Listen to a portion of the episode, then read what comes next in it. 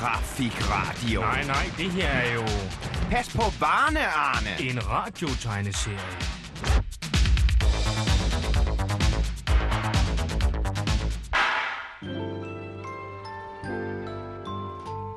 Og pas så på varerne, Arne. sagde Arnes mor, da Arne kom ind og læste søndagsavisen og morgenbrød på køkkenbordet og sendte ham et af de der, husk nu, hvad der skete i sidste uge, blikke. Arne havde de blikke.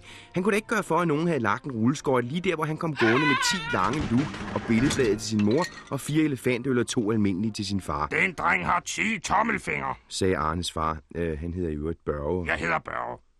Øh, er det dig, der hedder Børge? Ja. Nå. For jeg er jo Arnes far. Øh, nå, men han, i hvert fald så sidder han der, og han holder altid med Arnes mor, som hedder Lilian Lissi Hansen. Lilian Lissi Hansen. Hun er ret stolt af at hedde Lilian L. Hansen. Lilian L. Hansen. Resultatet er, at Arne hedder Arne L. Hansen, og det synes han egentlig ikke er særlig morsomt.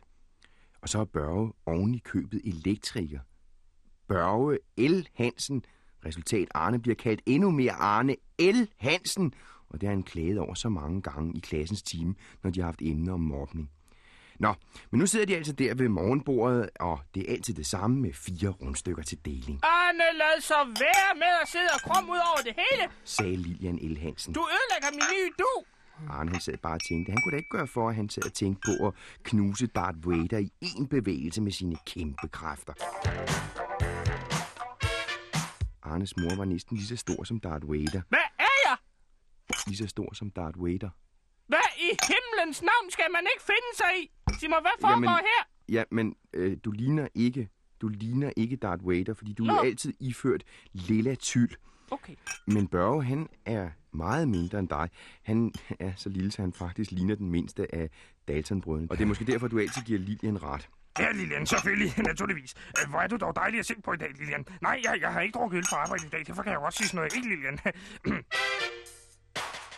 Altså, familien Hansen sidder ved søndagsmorgenbordet, og pludselig udbryder Lilian. Øh, Børge, Børge, ved du, hvad der står her? Børge ser meget interesseret ud. Nej, Lilian, du har jo avisen. Øh, Børge, øh, der står, at vi kan komme til Gran Canaria for 1995. Gud, hvor jeg trænger til at se noget andet end Primula-vinget. Åh oh, nej, ikke på charterferie igen. Jeg får aldrig fri fra skole. Tænkte Arne.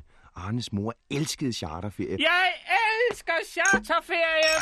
og forlangte ustandsligt at komme afsted, og at børnene skulle tage fri fra skole, og Børge skulle tage fri fra arbejde. Jeg forlanger ustandsligt, han skal tage fri fra skole, og du skal bare tage fri fra arbejdet. Hun elskede at komme til Mallorca, eller Tunis, eller Grækenland, eller Sicilien. Arne havde charterferie. De var altid fuldstændig ens og dødkedelige. Børge, den snupper vi. Du ringer dig ind og bestiller. Ikke Børge! Arne var skrækslagen. Nu var der kun det håb, at der var udsolgt, Kan vi rejse på fredag? sagde Arnes far fra telefonen. Ja, ja, selvfølgelig da, Manse. Kvidede mor Lilian, Åh oh, nej, tænkte Arne. skoleinspektøren æder mig levende.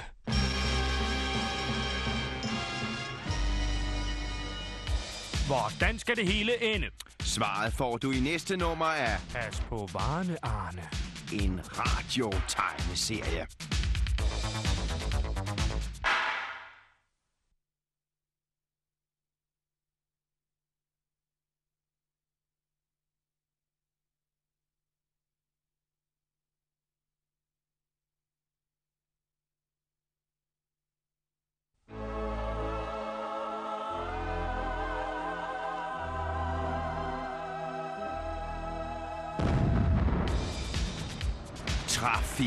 Trafikradio. Nej, nej, det her er jo Pas på varne, Arne. en radiotegneserie.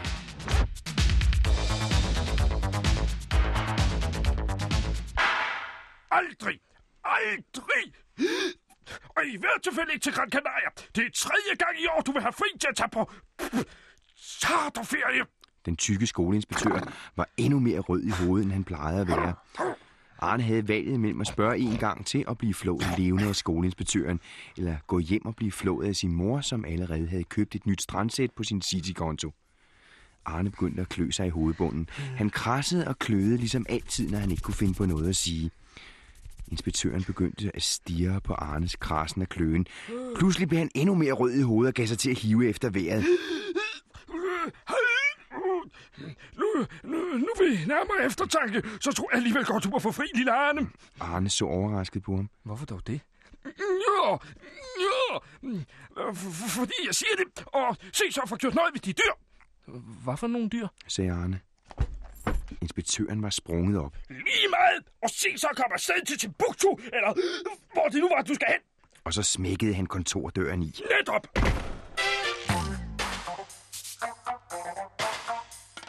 Arne var lettet og ked af det på en gang. Nu var der ingen vej udenom. Otte død kedelige dage, mens man bliver ristet til en superbørge.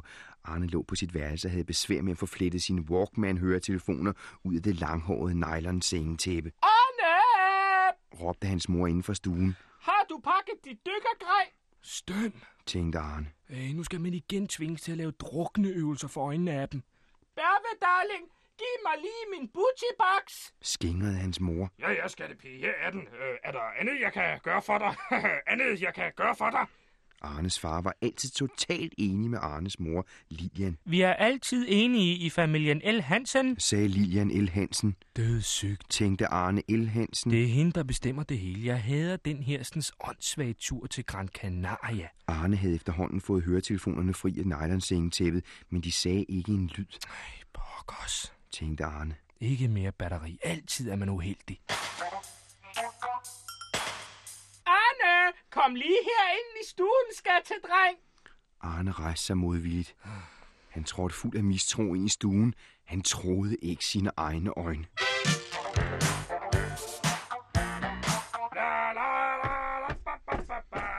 Gulvtæppet var fyldt med potteplanter.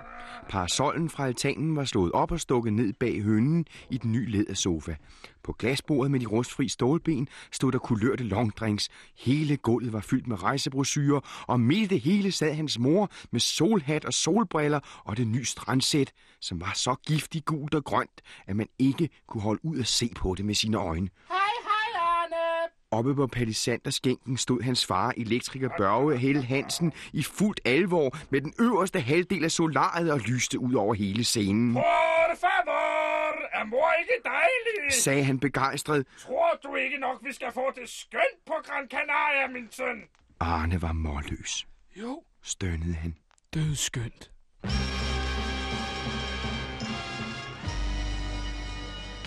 Hvordan skal det hele ende? Svaret får du i næste nummer af Pas på varene, Arne. en radiotegneserie.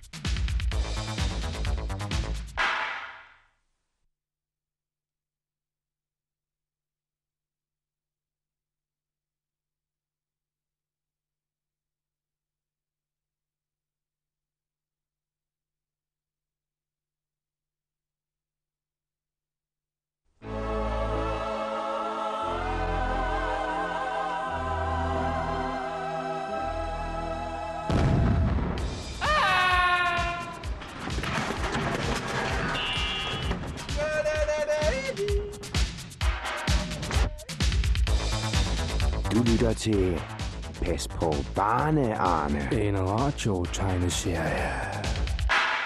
Pas på kufferterne, Arne. Lad nu være med at være sådan en lille klods med jord, ikke skat? Det var fru Lilian L. Hansen, der talte, mens hun tvang Arne og hans far Børge til at slæbe hendes beautybox og store kufferter. Familien L. Hansen var på vej på en af deres årlige charterrejser. Arne var mismodig. Han havde ikke meget til overs for ferie uden for ferien. Man kom bare bagefter i skolen, og så fik man soleksem, og så kunne man ikke følge ordentligt med i så der tegnefilm om fredagen. Men dommen var afsagt. I dag kl. 15.30 på denne kulsorte fredag eftermiddag skulle de flyve med chartermaskinen til Gran Canaria, og Arne skulle forlade sin elskede tegneseriesamling, som skulle stå og samle støv i otte dage på Primulavinget i de vestlige forsteder.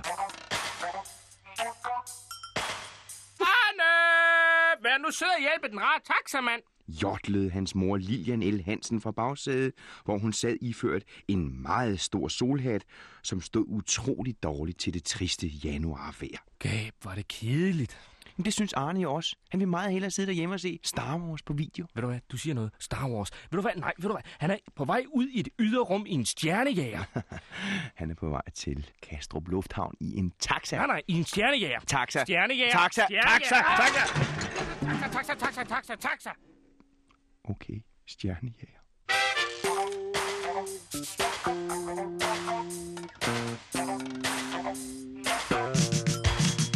Arne greb hårdt om styrepinden. Darth Vaders hvide robotter angreb ham systematisk fra alle sider. Hans højtaler knitrede. Jedi jordkontrol. Stop dem, Arne. Vi er i overhængende fare. Hold ud. Arne trykkede på knappen, og læseren spredte død og ødelæggelse mellem asteroiderne. Arne til Jetty Jord. Arne til Jetty Jord. Jeg, jeg ved ikke, hvor længe jeg holder endnu. Waiters folk er alt for mange. I det samme strøg et af kejserens dræbermoduler skrigende forbi Arnes sigtekorn. Arnes laser lynede og forvandlede dræbermodulet til en ubetydelig samling støv mellem himmel og jord. En kæmpe eksplosion lyste op foran ham og udløste en sorthulseffekt, som trak Arnes værveløse stjernejager ud mod intetheden. Arne flåede som en sindssyg styrepinden og troede sig fortabt, Hold så op med det pjat, Arne. lød det bagfra. Du ødelægger jo mors paraply. Højtaleren knitrede. Plads 8, Ingehave, plads fri, Dalgas Boulevard 5, navnet er Hansen. Arne så på taxichaufføren, der smilede til hans mor i bagspejlet. Og skal det til indenrigs- eller udenrigsgården? Udenrigsgården! Lå fru Lilian L. Hansen. Vi skal da på charter. Arne så ud over Kastrup Lufthavn. Som den lå der med de sølvglinsende jumbojet halefinder, kunne den godt minde lidt om en af kejserens intergalaktiske krydserskibe.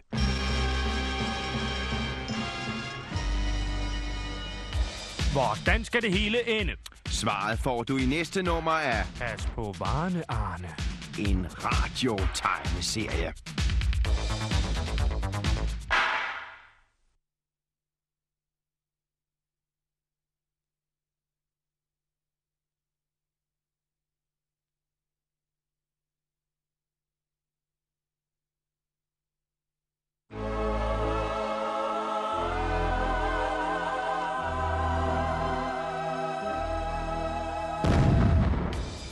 En sød ave det samme som en gorilla? Kamelen, giraffen, myrekryv? Er maden i zoologisk have for dyr? Dette og meget mere får du svar på, hvis du slår op i dit leksikon. Men her kommer din egen private radiotegneserie. Pas på varerne, Arne! Afgang 269 til Costa Brava. Venligst gå til udgang 5. Afgang SK 405 til Gran Canaria Now Boarding. Venligst gå til udgang 3. Arne fulgtes med sin mor og sin far ud gennem de trøstesløse gange i Kastrup Lufthavns charterafdeling. Man kan sige, der var to køer, en der gik ud og en der gik hjem. I den ene kø, der stod folk og så blege og triste ud. Det var den kø, der ventede på at komme ned mod sydens sol og sommer. I den anden kø var folk helt røde i hovedet og så ud som kogte krebs og sang og trallede og rullede med øjnene og lugtede af konjak og schusser. De fleste skallede på næsen, men det gjorde ingen forskel, for de havde alle sammen en stærk rød tud indenunder. Dem i den blege kø så forventningsfulde og misundelige på den anden kø. De vil også være røde i hovedet. Skal jeg ikke snart sige noget? Skal vi ikke høre noget om Arne? Jo, selvfølgelig. Værsgo. I var det altså spændende. Er det ikke Arne Mus? Det er ikke Arne, det er Arnes mor, Nå, oh. I, hvor er det altså spændende. Er det ikke Arne Mus? sagde Arnes mor og kyssede ham ømt på håret. Jo, utroligt. sagde Arne og trak hovedet til sig i håb om ikke at få ødelagt sin frisyre, som det havde taget ham ret lang tid at sætte. Arne sad og tænkte, at det kun var tredje gang i år, de skulle sydpå. Han var død træt af charterrejser. Endelig fik den blege kø lov til at gå ombord i flyet. Det var alt for lille til alle de mange mennesker, som charterbyrået ville have stuet indenfor. Folk råbte og skreg og tædede sig som sindssyge, og venlige stewardesser forsøgte at forhindre nævekamp og overfald.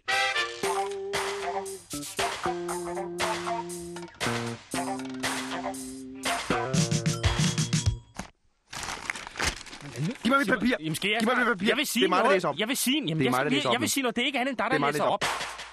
Arne havde sat sig yderst mod midtergangen, dels for, at han kunne komme til toilettet, når han havde fået sine colaer, dels for, at han ikke skulle lytte til sin mors opbremsning af alle byerne i hele Europa. Arne sad og så på pigen ved siden af ham. Nu vendte hun hovedet om mod ham og sagde... Nu vendte hun hovedet om mod ham og sagde... Hun vendte hovedet om mod ham og sagde, nu er det din tur, sig noget. Det er mig? Ja. Øh, nå. Hej, jeg hedder Tina. Hvad hedder du? Øh, jeg hedder Arne. sagde Arne og var utrolig imponeret af, hvor smuk Tina var. Hendes øjne var mandelformede og meget, meget smukke. Hendes hud lignede ren sødmælk.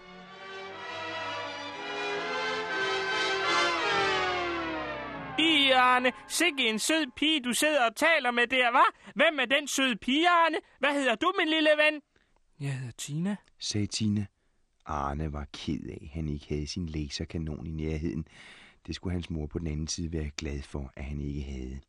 Arne lagde sig tilbage i sædet, for nu kom det værste. Starten fra Kastrup. Piloten gav gas, så det hylede i trommehinderne, og maskinen få ud af startbanen. Nu skulle den op i luften. Hastigheden var enorm, og de nærmede sig Øresund med lynets hast. Op, op, op, tænkte Arne og svedte. Men intet skete. Flyet for afsted mod Øresund, Saltholm og døden i det iskolde vand.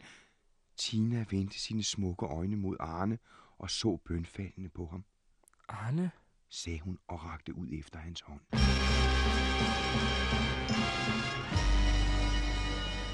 Hvordan skal det hele ende? Svaret får du i næste nummer af Pas på varene, Arne. en radiotegneserie.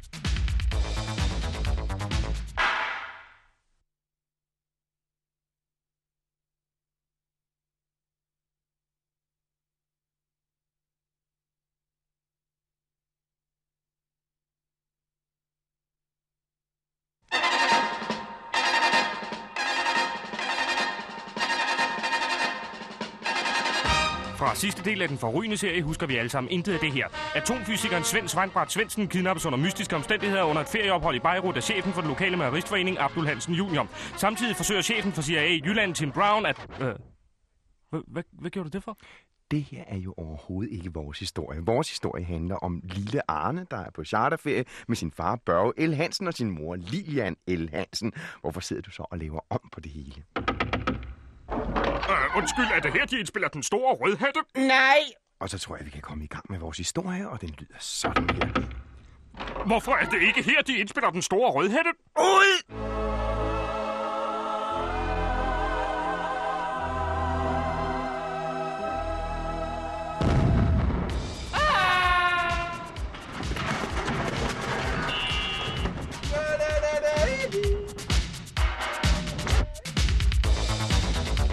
Til Pas på barne, Arne. En radiotegneserie.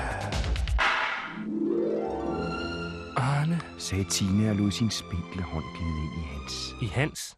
Nej, din idiot! I hans! Arne, jeg er bange. Hold om Arne. Fast. Arne sang en klump. Han drejede hovedet og virvlede dybt ned i hendes mørke, varme, mandelformede øjne. Arne var forelsket. Maskinen kastede sig brølende fra side til side. Kuffert og håndbagage virvlede rundt i den cigarformede koloss. Arne tog en hurtig beslutning. Han skubbede hatten en anelse længere ned i øjnene, slog kraven op på sin trenchcoat og greb om Tina. Hun gav et lille gisp af lykke. Så trak han hende tæt ind til sig, stirrede dybt i de mandelformede øjne og gav hende et smækkys. Det var et smækkys, der sagde bare to til alt, hvad han tidligere havde læst eller hørt om. Pludselig rettede han sig op, kiggede alvorligt på hende og sagde... How long was it we had, honey? Sig mig, hvad går der af dig? Udbrød hun forskrækket og puffede ham væk. Du har dårlige ånde og et par alt for store briller, og så giver du dig pludselig bare til at overkramse mig. Vi kender jo knap nok hinanden. Du er altså ikke rigtig klog. Sig mig engang, har Arne nu lige pludselig fået briller? Briller? Ja, ja, ja, selvfølgelig har han briller. Han har da aldrig haft briller før. Nej, men det har han nu ikke. Du hørte, hvad der blev sagt. Se, så kom videre. Okay. Nu var det altså sket igen. Det der med drøm og virkelighed flød sammen. Et øjeblik troede han faktisk, han var Bogart, og flyveren var ved at styrte i havet, og han skulle redde dem alle sammen. Og nu sad hun bare der galet op, og så blev der helt stille i maskinen, og alle stirrede så underligt på ham. Tina var rykket så langt ud mod vinduet, hun kunne, og kiggede på skyerne, der svævede forbi dybt under dem. Sidder du nu og overfalder den unge pige? Det var hans mor, Lilian L. Hansen, der bullerede længere ned ad midtergangen. Stemmen var faretroende nær. Har jeg ikke utallige gange fortalt dig, at man danser først, og så kan der måske blive tale om et kys eller 15, hvis man vel og mærke er en venopdragen ung mand. Var han meget voldsom? Spurgte Arnes mor bekymret og kravlede ind på sædet mellem Tina og ham. Nej, det, det var ikke noget. Jeg blev bare sådan lidt overrasket. Jamen, vi kender jo slet ikke hinanden eller noget. Hvor kunne du også gøre det? Anklagede moren med himmelvendte øjne. Arne kiggede ned på sine sandaler og mærkede, hvordan den idiotiske røde farve nåede helt op til øreflipperne. Og det kaldte de ferie.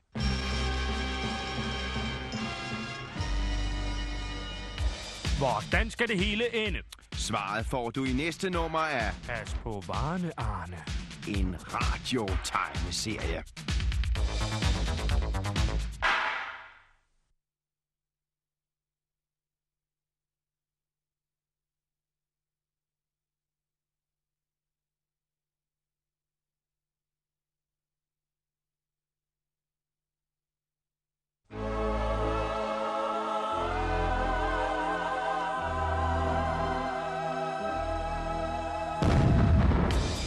Kommer din egen private radiotegneserie.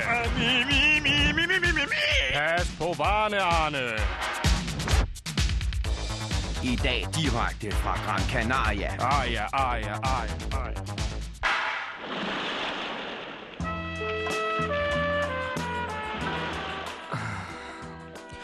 Alligevel noget fortryllende ved at være sådan et fremmed sted. Altså, når man lige ser bort fra turisterne, guiderne fra rejsebureauet, så lige ens far og mor. Tænkte Arne, da han stod alene og pillede næse på balkongen til familiens tostjernede hotelværelse og betragtede kystlinjen og bugten med alle dens blinkende lys. Han havde ikke spist noget til aften. Det havde hans mor og far, og faren kunne nu med sikkerhed fortælle, hvad der gjorde øens syv lokale vine til noget særligt. Arne havde sagt til dem, at han godt ville tidlig i seng, Jeg vil godt tidlig i seng. Ja, det tror jeg efter den flyvetur. havde faren forsøgt med, men var blevet stanset af moren. Har vi ikke aftalt at hjemme hos os, at det er mig, der fører ordet? Øh, jo, jo, min du. Godt. Ja, det tror jeg efter den flyvetur. Og så var Arne gået gennem receptionen og op på deres fællesværelse 788. I virkeligheden havde han helt andre planer. Han fandt sin anorak frem fra morens kuffert, Det kan jo blive køligt op i bjergene. havde hun sagt. Ja, yeah. Havde hans far råbt og slået i bordet. Han foldede den sammen til en rund bylt og placerede den med professionel sikkerhed inde under dynen i sin seng. Så fandt han et par ekstra sko frem fra bunden af sin sportstaske og lagde dem under dynen i sengens fodende. Nu kom det værste. Kassettebåndoptageren var blevet pakket grundigt ind i de to par underbukser, han havde fundet det nødvendigt at tage med til de 14 dages ferie. Man skal jo nok alligevel dages i poolen det meste af tiden. havde han tænkt derhjemme. Han lagde sig ned på gulvet i værelset og lukkede øjnene. Så trak han vejret dybt, tog mikrofonen op til munden og trykkede på den røde rekordknap.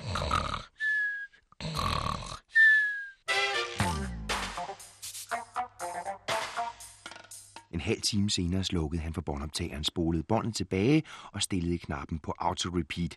Så trykkede han på start og placerede forsigtigt båndoptageren under dynen i sengen i nærheden af orakbylden. Det lyder sgu helt livagtigt. tænkte Arne, og var fuldt ud tilfreds med sin indsats. Autorepeat-knappen i bund kunne han snorke i en uendelighed. Der var længere ned, end han først havde troet, men der var ingen vej udenom. Det var for farligt at gå ned ad trapperne gennem receptionen og ud, og han måtte tale med Tina hurtigst muligt og fortælle hende, at han slet ikke var sådan, som hun troede efter det i flyveren. Han rettede på sin butterfly, løftede lidt op i de mørke smokingbukser og holdt fast om sin Walter-pistol, da han smidig som leopard begav sig ud på afsatsen højt oppe på hotellets fjerde sal. Der måtte være et nedløbsrør, selv på et turisthotel. Han pressede sig ind mod den hvidkalkede mur og kom langsomt rundt om hjørnet. Han kunne mærke de første små svedperler på panden. Bare ikke kigge ned på bilerne dybt nede under.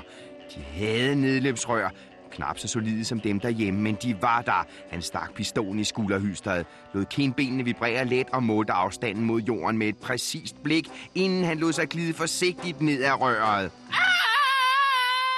Hylede Arne, da fire halvrustne skruer løsnede sig fra pusset i væggen og lod nedløbsrøret svinge bagover for derefter at knække midt over som et sugerør og sende Arne i dybet mod den sikre død.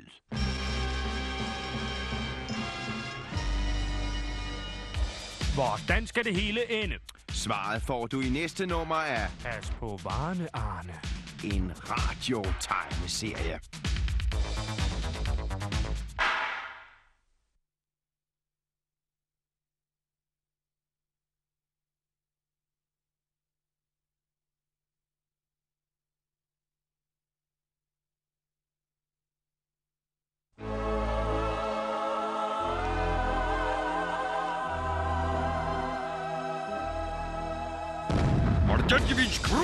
Eller Krusen i Brisna.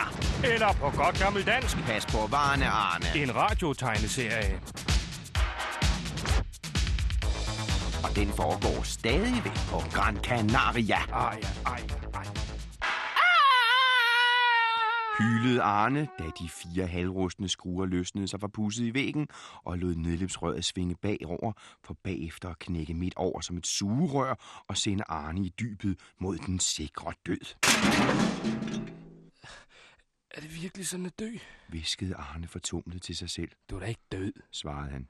Du landede vist oven i den bunke papkasser, der har været brugt til varer ind til hotelkøkkenet. sagde han lettere chokeret til sig selv. Pludselig blev en dør til hotellet flået op. Et stort sort hår med to rullende øjne og et enormt overskæg kiggede ud i gården. Arne prøvede automatisk at dukke sig for ikke at blive opdaget. Den måde manden så ud på, sagde ham, at det var vist nok det smarteste. Men den gik ikke. Han var opdaget. Sådan lød det i hvert fald. Brølede håret over skægget og stormede ud i gården, kurs direkte mod Arne og papkasserne. Tre andre fulgte efter med grydeskær og en enkelt brødkniv i hånden. Køkkenfolk. Tænkte Arne, da de fire skækkede hoveder stirrede ham ind i øjnene. Kom det et sted inde bag det store sorte overskæg, Nej, nej, nej. prøvede Arne. Jeg jeg var bare ude at gå, ikke? Og så drønede jeg uheldigvis herned. Bad luck, bad luck. Det sidste havde han hørt Johnny fra 9. sige hver gang, der røg en sved af i svinget, så Arne mente, at det måtte være passende til situationen. Nu brummede de fire og stirrede på hinanden, og så på ham, og så på hinanden igen. Lyset fra den åbne køkkendør fik det til at glimte i kødkniven. Sagen var klar, Det her er bare ren kollisionskurs. tænkte Arne og drønede ud mellem benene på den første den bedste, og rundt om hjørnet og væltede to affaldsbane, bragte en kat i choktilstand og rundede et hjørne. Det var mørkt. Han kunne ikke se noget som helst i den her baggård, som han nu brugte som slalombane for at slippe fri for de fire forfølgere. De kom nærmere. Arne sprang over en stabel tomme ølkasser og stansede bræt foran et stort træport. Den førte lige ud til en gade. Han kunne høre biler og skridt på fortorvet ude foran. Nu kunne han også høre sine forfølgere alt for tæt på. Han famlede med slåen på den halvrådne port, men en solid hængelås talte sit alt for tydelige sprog. Låst! Brølede Børge El Hansen og tørrede svedperlerne væk fra en af hagerne. Det var dog en højst dramatisk historie, I der fortalte. Det minder mig forresten om den gang. Længere nåede han ikke i sin historie. Det satte et velplaceret hug med en stilethæl fra fru Lilian El Hansens venstre sko en bræt stopper for. Det var nu ikke, fordi Børges historie var specielt kedelig. Hun var bare træt af altid at høre de samme. Det var de to gardnerlærlinge fra Rødovre, som sad over for Hansens nu ikke. Og så havde et par flasker af den lokale vin sat sit præg på selskabet. Pludselig udbrød den ene af gardnerlærlingene. Nu skal vi lave sjove papirshatte, ikke? Ja! Kvidrede Lilian og puffede til Børge, der så småt var ved at falde i søvn, Ja, måske. sagde han. Måske skulle vi hellere se lidt til Arne. Vi sidder bare hernede og fester, og han ligger op på det lumre værelse og keder sig. Sludder! Brølede Lilian El Hansen, så parykken kom til at sidde helt skævt. Han er bare i drømmeland og trænger sandelig til at hvile sig. Og skulle vi så se at få lavet nogle papirsatte og få det lidt sjov? Hvad? Synes du ikke, det var en god idé, hvad, Børge? Jo, Nikkede Børge stille. for vi har det jo lige så rart. Der var nogle gange Arne ønskede, der fandtes en pille, man kunne sluge, når man godt ville et helt andet sted hen. Han nåede til at forsvinde eller vågne af en meget ond drøm meget hurtigt. Uheldigvis for ham var den pille ikke opfundet endnu, så han måtte bare se på de fire skygger, der langsomt, men sikkert nærmede sig porten, hvor han netop stod og pressede sig sammen helt nede i et hjørne. Hans hjerte hamrede vildt. Det her var værre end idrætsdag på fodboldholdet. Værre end når man ikke havde fået lavet regnestykker. Det her var... Arne nåede ikke meget mere, for pludselig...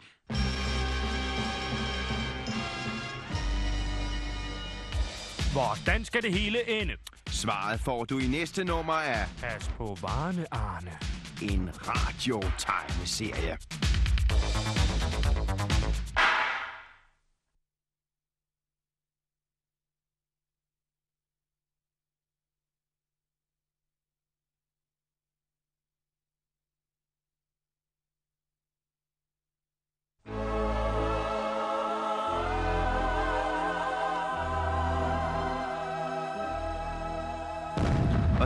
Sådan to mælkekartoner, og så klipper man dem godt op i sigen, og så kan man sådan få dem til at blive en sjov elektrisk lampe eller parachutsko. Tusind tak til dig, Jørgen L. Og flux over til Pas på varne, Arne. En radiotegneserie. Arnes hjerte hamrede vildt. Det her var værre en idrætsdag på fodboldholdet. Værre end når man ikke havde fået lavet sine regnestykker. Det her var Arne nåede ikke at tænke meget mere, for pludselig... Med et forsvandt skyggerne. Det måtte være direktøren fra hotellet, der kaldte, Pyha, tænkte Arne. men det nytter ikke noget at slappe af nu. Jeg må videre afsted til Tina. På vej ind i den firehjulede bageovn, der havde transporteret turisterne til deres hoteller, havde Arne set Tinas sportstaske. Den havde ligesom hans egen været forsynet med et lille gult skilt med hans navn og navnet på det hotel, hvor man boede under hele ferien. Øh, Hun boede vist på Gala, eller måske uh, Galaxy, eller, eller også for noget helt femte. Nu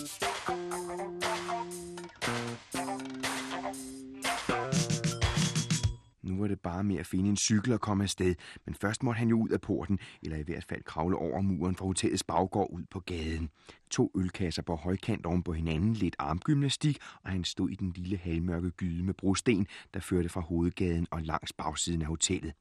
Lidt længere henne fandt han en cykel, som han lånte, og nu gjaldt det bare om at finde Tinas hotel, klokken var kun halv tolv. Ikke mere! jublede fru Lilian L. Hansen. Parrykken sad nu helt oppe i nakken og afslørede, hun faktisk slet ikke var lyshåret, men havde et vældig smukt mørkt hår. Jamen, så er natten jo stadig ung. Ah, Stadig ung. Ah, Stadig ung. Lad os fejre det med et par flasker mere. De to gardnerlærlinge vrælede overstadigt. Stærkt nok, stærkt nok. Vi slupper lige et par liter mere.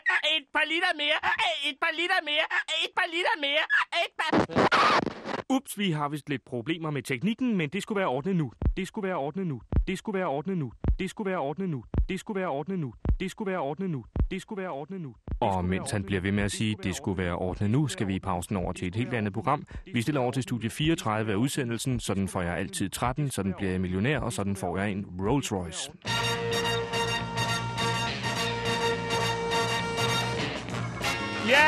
Ja, rigtig hjertelig velkommen her til Studie 34 af programmet. Sådan får jeg topkarakter, sådan bliver jeg millionær, og sådan får jeg en Rolls Royce. Vi skal allerførst høre professor A. Hansen, hvordan man får topkarakter. Tiden er desværre løbet fra os. Vi må afbryde det spændende program. Forfatterne er gået hjem, og vi vender tilbage igen samme tid, samme sted næste gang.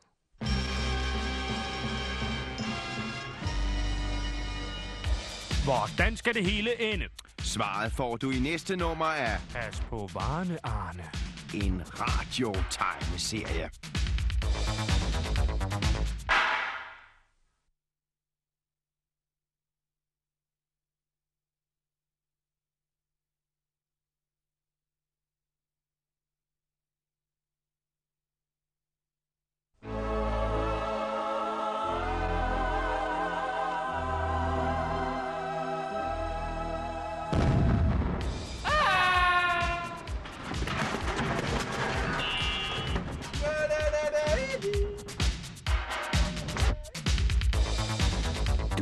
Til Pas på barne, Arne. En radiotegneserie.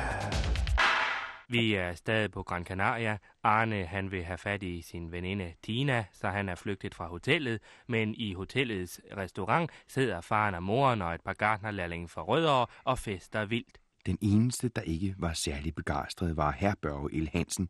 Hans store, ophårnede røde hoved hvilede tungt på den ene hånd, mens han kramagtigt forsøgte at holde øjnene åbne. Har vi det ikke også sjovt, Børge? Jublede Lilian og gav ham et dunk i ryggen, så han for op med et sæt. Men Børge synes ikke længere, at det var sjovt noget af det. Han tænkte på Arne, der sikkert lå alene oppe i det mørke hotelværelse og kiggede op i loftet og savnede sin far og sin mor. Måske glimter en enkelt tår i det ene øje, når han tænker på mig. Tænkte Børge L. Hansen og tog en rask beslutning. Jeg går op til lille Arne og leger med ham. Herregud, klokken er kun kvart i 12 år. Vi har ferie, og det er også drengens ferie. Han har sikkert haft et helvede med at få fri fra skolen nu igen. Hvad i himlens navn er det, du sidder der og vrøvler om, Børge? bulrede Lilian og vendte hovedet med en sådan kraft, at på ryggen røg af og landede i en fremmed mands løgsuppe. Hvad vrøvler? Nej, fru Lilian. Hansen, det hørte slet ikke det sidste. Det var bare noget, deres mand tænkte. Hvad var det? Jeg hørte dig selv dævleri. Jamen, det kan de umuligt have gjort. Meningen var bare, at Børge L. Hansen tænkte det. Nu vil han gå op på værelset og se, om, om Arne han er der, men han er der jo ikke. Hvad er han ikke? Hvor er han så? Jamen, det ved de jo ikke noget om. Det er det, der er det spændende i historien. Hvad ved jeg ikke? Jeg har da selv lige hørt dem sige, at Arne ikke var der. Øh, Hør, hvem er de i grunden? Øh, jeg, jeg er en af dem, der skriver historien. Hvad for en historie? Hold hende lige for munden. Jeg fortæller lige Nej! det næste. Øh, Børge L. Hansen havde allerede forladt bordet og var nået hen til værelsesdøren. Han gik indenfor med rolige bevægelser. med rolige bevægelser. Jamen, jamen, der stod en lampe, og der er helt mørkt herinde. Det er jo ikke til at se en hånd for sig. Han knælede stille ned ved Arnes drømmeseng og blev helt stiv. Hvordan var det, drengens snorken lød?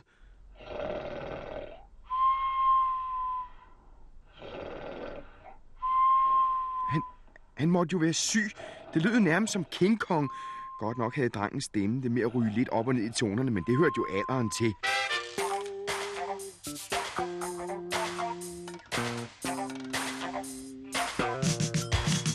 Lilian! Lilian! Hurtigt! Du må komme! Du må komme! Er, er der læge til stede? Det er frygteligt, det er vores søn. Han er syg, alvorligt syg. råbte Børge L. Hansen og banede sig vej mellem restaurantens bord. Få minutter senere stod selskabet i kreds om Arnes seng. Øh, Stod og stod, det er måske så meget sagt. Lilian svarede lidt frem og tilbage og så meget alvorlig ud, da den medbragte læge fra det danske rejseselskab med alvorlig mine løftede sengetæppet og stirrede ned i sengen. Så puslede han med et eller andet, det lød klik, og snorken holdt op. Hvad, siger de, doktor? Er det alvorligt? fremstammede Lilian L. Hansen og støttede sig for første gang i 20 år til sin spinkle mand. Hendes størrelse havde altid gjort det omvendte mere naturligt.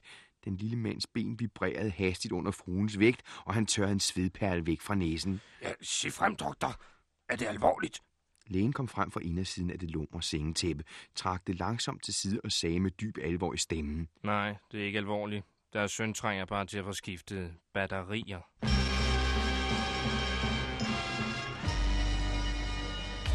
Hvordan skal det hele ende?